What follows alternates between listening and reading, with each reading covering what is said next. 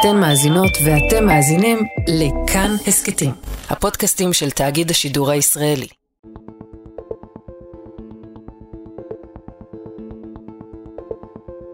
בזמן שהקואליציה והאופוזיציה העתידית, העתידית, מתכתשות על כל מיני סעיפים בהסכמים הקואליציוניים שאמורים להתממש בדמות חוקים עתידיים שעשויים לשנות את דמותה של המדינה. קבוצה של הומואים מגיעה להתארח במלון. אני כבעל מלון דתי יכול לא לארח אותם?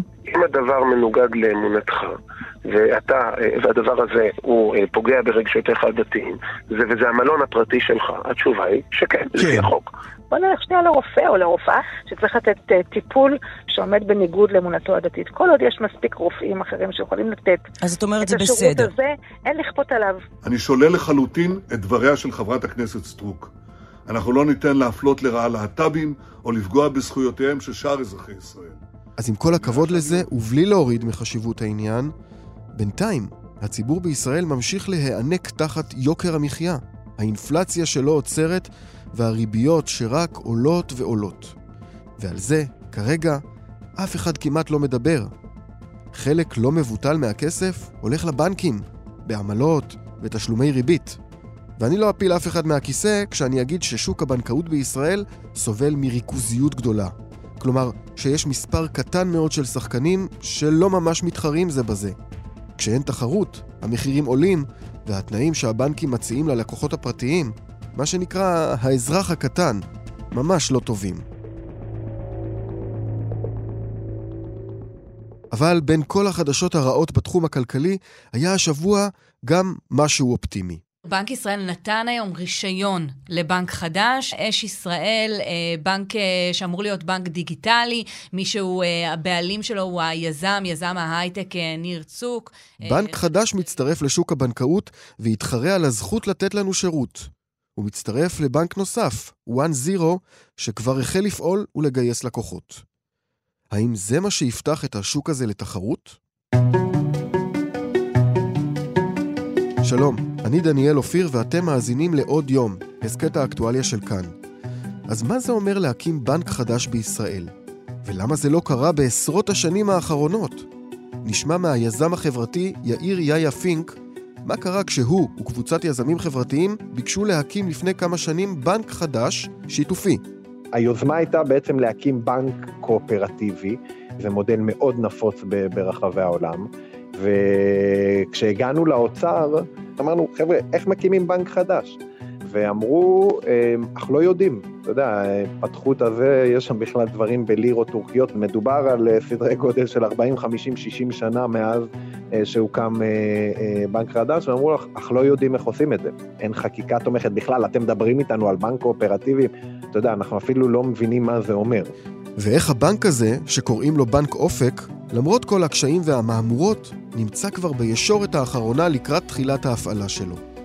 אבל עוד לפני זה, נשמע מסימה שפיצר, מנהלת יחידת רישוי ובנקים חדשים בחטיבת הפיקוח על הבנקים בבנק ישראל, על איך זה נראה מהצד שלהם, של הרגולטור, מה נדרש כדי לקבל את האישור, ואיך מצד אחד הם שומרים עלינו ועל הכסף שלנו, הלקוחות, ומצד שני, פועלים להגביר את התחרות בשוק הזה.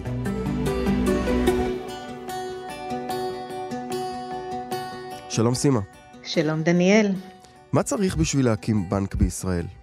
מה שצריך לה, כדי להקים בנק בישראל זה שני דברים מרכזיים. אחד זה לגייס הון מקבוצת משקיעים. אה, ההון המינימלי שנקבע הוא 50 מיליון אה, ש"ח, אה, וצריך תוכנית עסקית טובה כדי להציג את הבנק החדש שמתכוונים להקים. בואי תסבירי לאנשים שהם פחות אולי מומחים בעולם הפיננסים והבנקים, מה כלל תהליך הבדיקה שקדם למתן האישור וכמה זמן הוא ארך?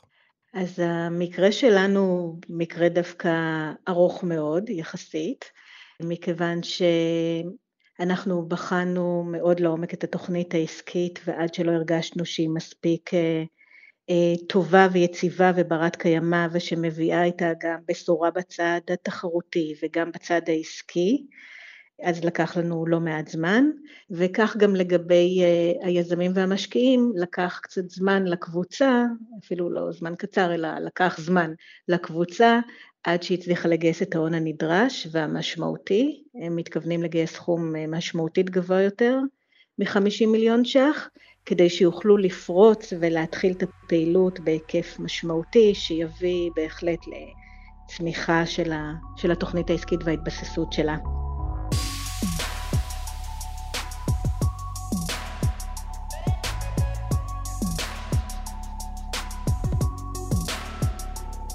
אנחנו מדברים למעשה על רישיון שני לבנק חדש, שניתן בתוך שלוש שנים, אחרי יותר מ-40 שנה שלא קם בישראל בנק חדש.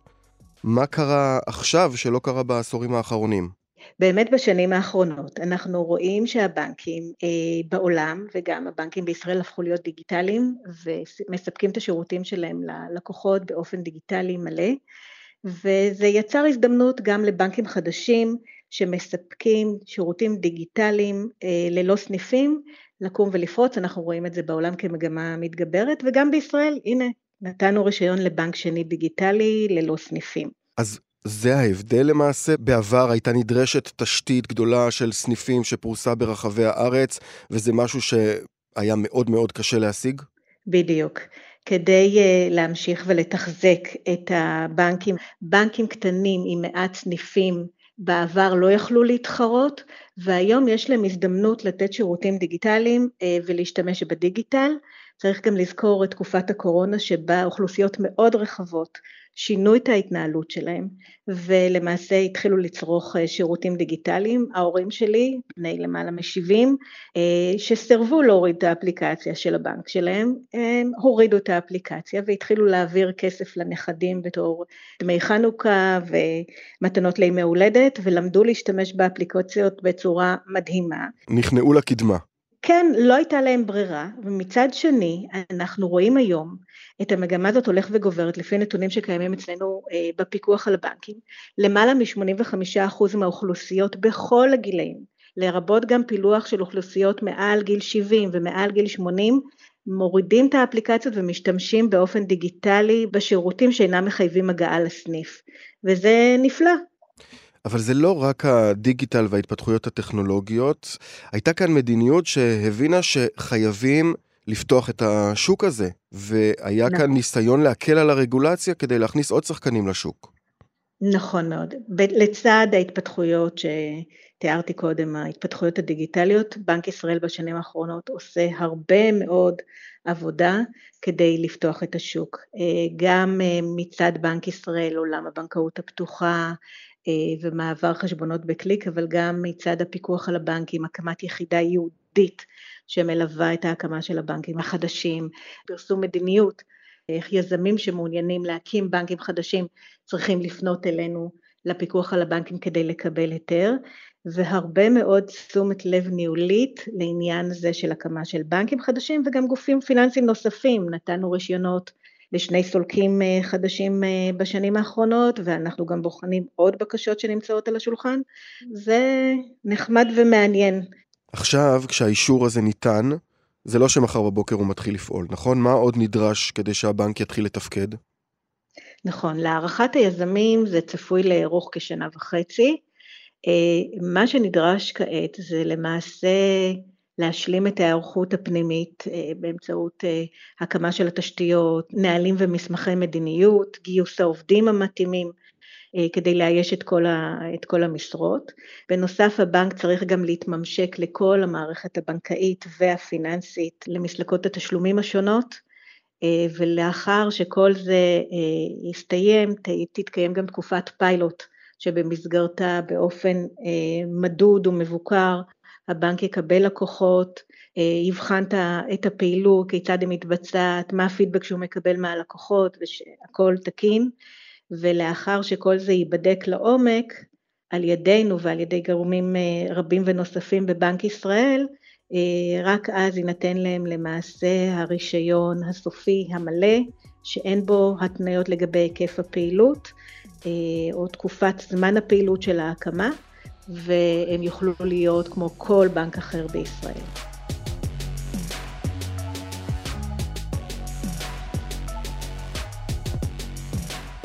אז כמו שאמרנו בתחילת הפרק, נוסף על שני הבנקים המסחריים ששמענו עליהם עכשיו, יש עוד בנק שעומד להתחיל לפעול.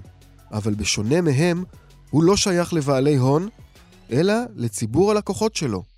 קוראים לזה בנק שיתופי או קואופרטיבי, ואת הסיפור שלו, שהוא למעשה סיפורה של המערכת הבנקאית בישראל, נשמע מיאיר יאיה פינק, מי שהיה המנכ"ל ומהמייסדים של בנק אופק, וגם המנכ"ל של לובי 99, הלובי הציבורי הראשון. וכמובן שהכל קשור זה בזה. שלום יאיה. שלום דניאל, מה שלומך? טוב מאוד. יאיה, מה זה בנק אופק? ומה הסטטוס שלו כרגע?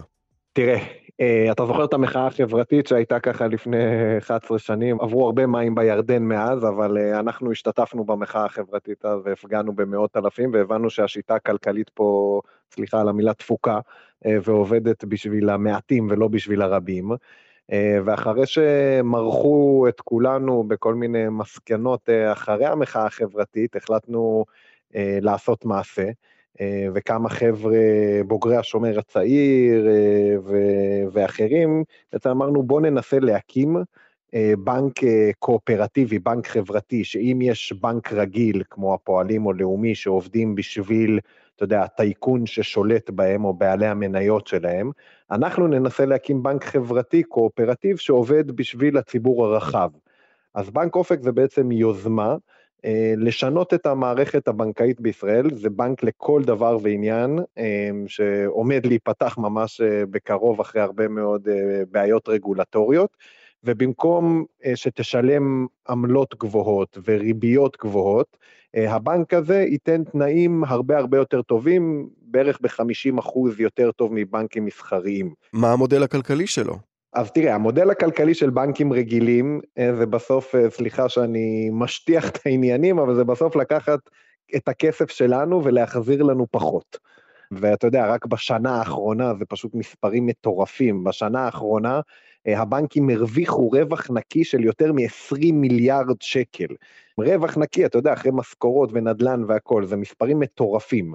אז המודל הכלכלי של אה, בנק רגיל הוא, אתה יודע, להשיא את הרווחים אה, של הטייקון שעומד מאחורי זה ובעלי המניות. המודל הכלכלי של בנק קואופרטיבי הוא להשיא את הרווחים של כל מי שחבר בבנק הזה. זאת אומרת שאם אתה קונה מניה לאופק, אה, או, אתה יודע, כל אה, בנק קואופרטיבי, יש אה, מאות כאלה ברחבי העולם, הבנק הכי גדול בהולנד הוא קואופרטיבי, הבנק השלישי הכי גדול בגרמניה הוא קואופרטיבי, בארצות הברית יש מעל 100 מיליון אמריקאים שנמצאים בבנקים קואופרטיביים, זאת אומרת, זה ממש לא המצאה ישראלית, להפך, אנחנו בפיגור בעניין הזה.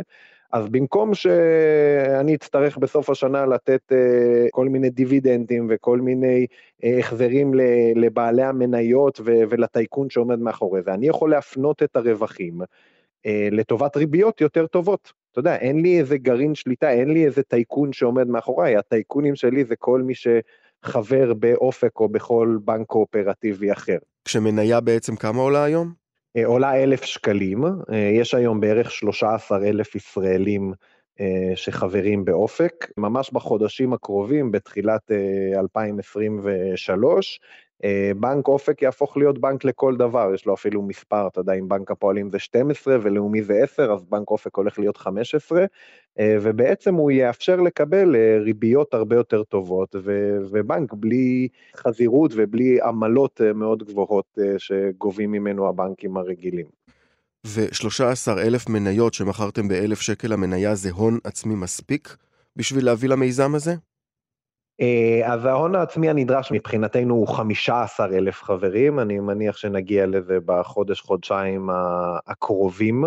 אה, ברגע שניכנס אה, בכל הכוח לשוק, אנחנו מעריכים שעשרות אלפי ישראלים ירצו לקחת חלק בזה, כי למה לשלם עמלות באלפי שקלים לחודש או ריביות מאוד גבוהות, אם אתה יכול לקבל תנאים הרבה יותר טובים.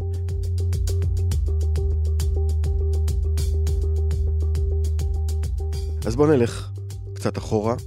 סיפרת על המחאה החברתית ועל ההבנה שמשהו כאן דפוק בשיטה ומשהו חייב להשתנות כדי שיהיה לנו יותר קל לחיות בארץ הזאת.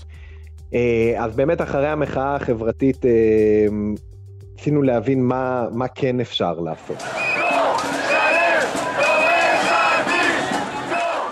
אתה יודע, המחאה החברתית זה היה משהו מאוד מעצים ומרגש בשביל כולנו, וגם בשבילי שישנתי שם באוהל בגן הסוס אה, בירושלים, ובעצם היה לנו משהו מאוד מרגש, אבל הבנו ש...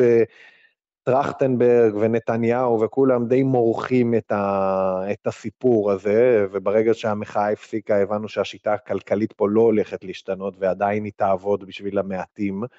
היוזמה הייתה בעצם להקים בנק קואופרטיבי, כמו שאמרתי זה מודל מאוד נפוץ ברחבי העולם, וכשהגענו לאוצר, אז אה, אתה יודע, גם אה, יחד עם תום דרומי וחבר'ה אחרים, אה, בוגרי השומר הצעיר, אמרנו, חבר'ה, איך מקימים בנק חדש? ואמרו, אך לא יודעים. אתה יודע, פתחו את הזה, יש שם בכלל דברים בלירות טורקיות. פעם אחרונה שהוקם בנק אה, בישראל, אתה יודע, בנק משמעותי זה בכלל בשנות ה-60, יש איזה בנק קטן שהוקם בשנות ה-70, אבל מדובר על אה, סדרי גודל של 40, 50, 60 שנה מאז אה, שהוקם בנק חדש, ואמרו לך, אך לא יודעים איך עושים את זה. אין חקיקה תומכת בכלל, אתם מדברים איתנו על בנק קואופרטיבי, אתה יודע, אנחנו אפילו לא מבינים מה זה אומר. ושאתה בא ואומר, אוקיי, בוא נקבע פגישה נוספת, ולפגישה נוספת, נו, אוקיי, בוא נביא דוגמאות מהעולם.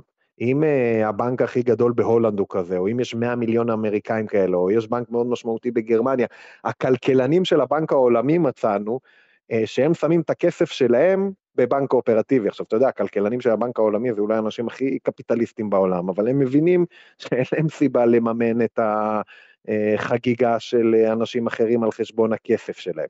אז היה תהליך מאוד מאוד מאוד איטי, של לנסות, אה, זה אפילו לא לשכנע, זה בכלל להסביר למדינה ולאוצר, א', את הבעיה הקשה שיש פה, ושמדובר על זה שמשפחה מפסידה, פשוט מפסידה בערך 4,500 שקל בשנה על זה שהבנקאות בישראל היא לא תחרותית ומאוד מאוד ריכוזית, ובתכלס יש שני בנקים ששולטים בכמעט שני שליש מהענף. אז א', זה לשכנע אותם בעניין הזה, ושתיים, להסביר להם מה זה בכלל המודל של בנקאות קואופרטיבית.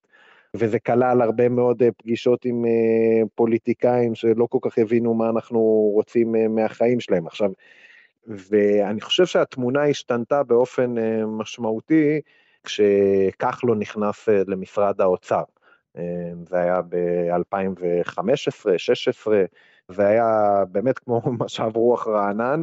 הוא הבין שזאת אחת מהבעיות שיש. ופגישות פתאום איתו ועם הצוות שלו ועם משרד האוצר, זה היה כאילו אנחנו מתפרצים לדלת פתוחה, אחרי ששלוש שנים זרקו אותנו מהדלת, נכנסנו מהחלון. נזכיר שזה היה חלק מהאג'נדה שלו, שעליה הוא רץ בבחירות. צריך לפתוח את השוק. הריכוזיות זה, זה רעה חולה בכלכלה. צריך לפתוח את השוק, איפה שיש מונופול, צריך לטפל בו. לשבור נכון. את הריכוזיות במשק באופן כללי, ובדגש על הבנקים. הריביות, חברים, הן גבוהות, העמלות הן גבוהות, הדמי ניהול הוא גבוה. כן, ואני יכול להגיד לך גם מכובע אחר שלי, אני ייסדתי את אה, לובי 99 והייתי המנכ"ל של הלובי במשך ארבע שנים, ובזמן אה, תחילת הכהונה של כחלון, אה, הוא החליט אה, בעצם להתחיל ולקדם רפורמה בבנקאות. ואנחנו ראינו עשרות לוביסטים אה, של הבנקים פושטים על הכנסת. למה יש להם כל כך הרבה לוביסטים? הם רוצים להמשיך, שלא יוקם כאן בנק חדש לנצח. הם הצליחו במשך 50-60 שנה, ואנחנו ראינו את זה בעיניים בלובי 99, איך אנחנו עובדים יחד עם דרור שטרום שעמד בראש הוועדה ל- לרפורמה בבנקאות שכחלון מינה, ואנחנו רואים עשרות לוביסטים מנסים לשכנע את הח"כים למה זה גרוע, ולמה יהיו פיטורים בגלל זה, ולמה הבנקים בישראל הם אה, צדיקים, ואתה רואה שיש מאבק מאוד מאוד משמעותי על בכלל הדבר הכי בסיסי, וזה שהבנקים, יהיה פה קצת יותר תחרותי, שהם קצת יעבדו יותר. אתה יודע, הבנקים גם בישראל, הם לוקחים את מרבית הכסף לא מהטייקונים. טייקונים יש כל מיני הסדרי חוב ותספורות וכאלה. הכסף הגדול שלהם בא מהעסקים הקטנים, מהאנשים הרגילים, אתה יודע, אנשים שהם לא יכולים אחרי זה לבוא ו- ולהגיד להם, אני לא אשלם לך. כשאתה כן. חייב לבנק 20 אה, אלף שקל, זאת בעיה שלך. אה, כשטייקון חייב לבנק איזה מיליארד שקל, זה מתחיל להיות בעיה של הבנק. והיה פה באמת משהו מאוד מאוד מאוד... אה, לא הגיוני, ובזכות הרפורמה הזאת שדרור שטרום עמד בראשה ושכחלון קידם, מול הרבה מאוד לחצים, אני חייב להגיד. אה, בעצם כשזה עבר ב-2017, נוצרה האפשרות להקים בנקים חדשים בישראל אחרי אה, אה, עשרות שנים. אז למעשה, כשבאתם להקים בנק חדש, גיליתם שהתשתית הרגולטורית, התשתית החוקית, לא מאפשרת את זה בכלל. והדבר הראשון שהיה צריך לעשות, וזה התחבר עם הכהונה של משה כחלון כשר אוצר, שחרט על דגלו את פתיחת המשק והורדת החסמים והגברת התחרותיות, ובתוך זה במשק הבנקים, בשוק הבנקים, זה בעצם mm-hmm. ליצור תשתית חקיקתית שתאפשר פתיחת בנק חדש בישראל, וזה מה שעשיתם בשלב הראשון, עוד לפני שבכלל התחלתם לבנות את הבנק הזה. חד משמעי. מה קורה אז? מה שקורה אז זה קודם כל, אתה יודע, טייקונים או לוביסטים כשהם מפסידים בקרב, הם רוצים לוודא שהם לא מפסידים במלחמה. לוביסטים תמיד מנסים לחשוב כבר על הצעד הבא. אז מה שקרה, זה הם אמרו, אוקיי, יש רפורמה בבנקאות, אבל בוא עכשיו נדחה כמה שיותר את האפשרות של זה להתחיל, בסדר? והם אה, עשו כל מיני צעדים כדי לדחות את התכולה של זה. והם אמרו, אוקיי, אה, נעשה את זה, אבל יש לנו בעיות מאוד קשות של איך לשתף את המידע. אה, כי אתה יודע, חלק מהרפורמה בבנקאות אומרת שבעצם תעודות הזהות הבנקאיות שלנו לא יהיו שייכות רק לבנק הפועלים או לאומי או לא משנה, אלא גם שחקנים חדשים יוכלו אה, לראות את זה כדי שזה יקל על התחרות וגם דברים שקשורים למחשוב ולמאגרי מידע. בעצם הבנקים ניסו לשים כמה שיותר מכשולים בשביל שהרפורמה המורכבת הזאת תצטמצם. אולי דוגמה נוספת, הם הקימו מהר מאוד את ביט, בסדר? בנק הפועלים הקים את ביט, אה, דיסקונט הקים את PayBox וכולי. מה זה הסיפור הזה? Pepper זה לא בנק, עכשיו, Pepper זה של לאומי, בסדר? כן. ביט זה של בנק הפועלים. זה מותג נפרד, אבל זה שייך לבנק. זה מותג נפרד, אבל למה, איך זה קשור לרפורמה בבנקאות, כל הדבר הזה? הפרידו מהם שם את, את uh, כרטיסי האשראי שלהם, שזה חלק ממה שביקשנו אז בלובי 99, כדי שיהיה תחרות יותר גדולה. ואז הם אמרו, אוקיי, אנחנו נשתלט על זה בדרך עוקפת, והם נתנו בעצם אה, מוצר בחינם, בסדר? מי לא רוצה לכאורה מוצר בחינם, אבל המוצר הזה הוא לא באמת בחינם. כי המוצר הזה בסוף, הדרך שלהם לתת אשראי ולהגיע לעוד לקוחות, אה, למרות המגבלות של הרפורמה, היא בעצם לייצר איזשהו מותג בת שכאילו לא מזוהה איתם ו- ועוקף את החוק בכל מיני דרכים אחרות. בקיצור, ההתמודדות פה היא מול שחקנים מאוד מאוד מאוד מאוד חזקים, שמרבית הפוליטיקאים בישראל לא רוצים להתעמת איתם, וזה מה שקורה בשנים האחרונות. אה, אני חייב להגיד שבזכות אבל הרפורמה הזאת של 2017, זה בעצם מה שמאפשר עכשיו, ממש בימים האחרונים ובחודשים האחרונים, לשחקנים חדשים לקום. דיברנו הרבה על הבנקים ועל המכשולים שהם הערימו. בואו נחזור אליכם, לבנק אופק. מה בעצם אתם הייתם צריכים לעשות ואיך התגברתם על המכשולים האלה? מלהסביר, דרך לכתוב הצעת חוק, אה, דרך להביא את הצעות החוק לבנק ישראל, לאוצר, למפקח על הבנקים, לקבל הערות מהם, אה, דרך זה של לגייס ציבור, אתה יודע, בבנק אופק, בבנקאות קואופרטיבית בכלל, לכל אחד יש מניה אחת בלבד. כדי שלא יהיה אף אחד שישתלט על הבנק, או לא יהיה טייקון שיקח את זה. אה, כל ישראלי יכול להיות בעל מניה אחת בלבד, אז אתה צריך לגייס את האנשים. אני עשיתי באופן אישי, אני חושב, קרוב ל-100 חוגי בית ברחבי הארץ, אה, כדי להגיד לישראלים, שומעים?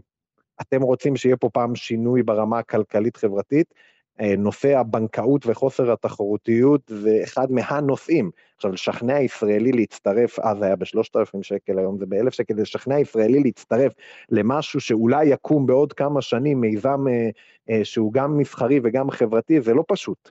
אז העבודה הייתה גם רגולטורית לשכנע שרים וח"כים ו, אה, ומקבלי החלטות, אבל גם עבודה ציבורית. אז עכשיו אתם ממש נמצאים במרחק נגיעה של אה, נכון. הפעלת הבנק הזה. נכון. לאיזה השפעה אתה מקווה ומצפה עם קבלת האישורים הסופיים ותחילת אה, פעולת הבנק הקואופרטיבי? אה, א', בתוך מי שיהיה חבר בבנק ויהיה לקוח בבנק, לקבל תנאים של בין 30 ל-50 אחוז יותר טוב ממה שהם מקבלים היום בבנקאות המסחרית.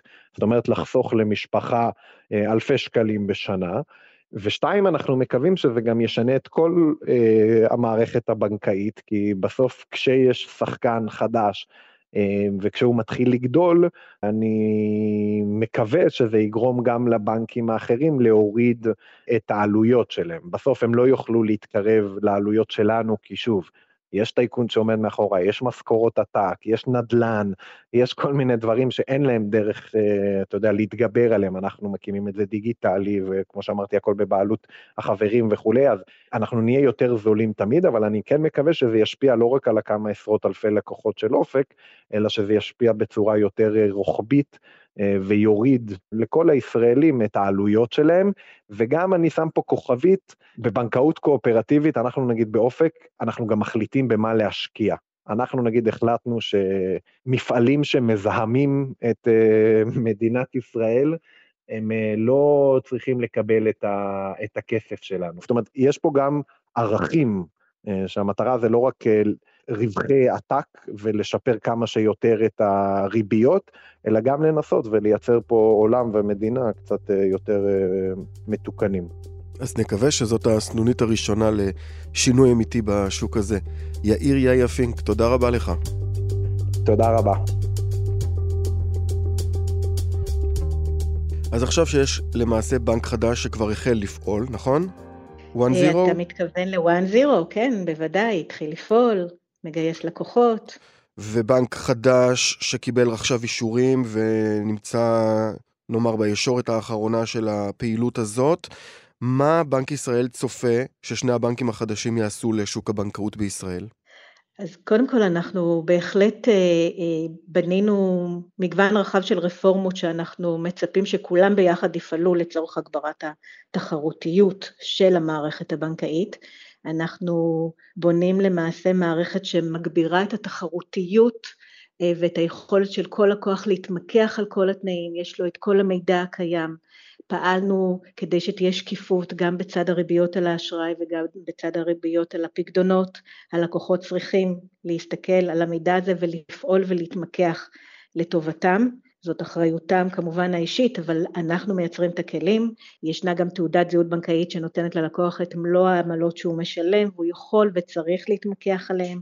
ישנם גם כלים נוספים כגון מעבר בקליק, ואנחנו רואים שעשרות אלפי לקוחות כבר העבירו את החשבונות שלהם מבנק לבנק ופעלו בעצם לשפר את התנאים שלהם. וכמובן רפורמת הבנקאות הפתוחה שהיא רפורמה משמעותית פורצת דרך שמאפשרת ללקוח להיות בעלים של המידע שלו ולהשתמש בזה לטובתו, הוא יכול למעשה כשהוא עובר לבנק חדש לקחת איתו את כל ההיסטוריה הבנקאית שלו, את ההתנהלות שלו וזה יסייע לו מאוד. לצד זה כמובן קיים מאגר נתוני אשראי שכבר קיים היום על המגזר הקמעונאי לרשות כל הציבור הרחב וגם הציבור יכול להיכנס ללשכות השירות ולקבל את המידע של, שלו על הדירוג שלו ולהשתמש בכך אה, לטובתו, ובנק ישראל גם פועל כרגע להרחיב את אה, מאגר נתוני האשראי גם לצד העסקי, כך שגם עסקים יוכלו להשתמש במידע שקיים עליהם. וכל הצעדים האלה אמורים לעשות שינוי באופי הריכוזי של שוק הבנקאות בישראל? נכון מאוד, אנחנו כבר רואים את זה קורה ואנחנו מצפים שזה ילך ויתפוס תאוצה עם כניסתם גם של אה, גופים פיננסיים נוספים אה, גם למערכות התשלומים בבנק ישראל וגם לנושא של השוואת עלויות. ככל שזה ילך ויתגבר זה פשוט יביא לשינוי דרמטי בהתנהלות של הלקוחות ואנחנו מצפים שהרפורמות האלה יביאו גם, יבססו את ה... שינוי בהתנהגות של הלקוחות, אבל בסוף זה אחריות של הלקוחות להתמקח. זה תפקידם ואחריותם. סימה שפיצר, תודה רבה לך. תודה רבה לך, דניאל.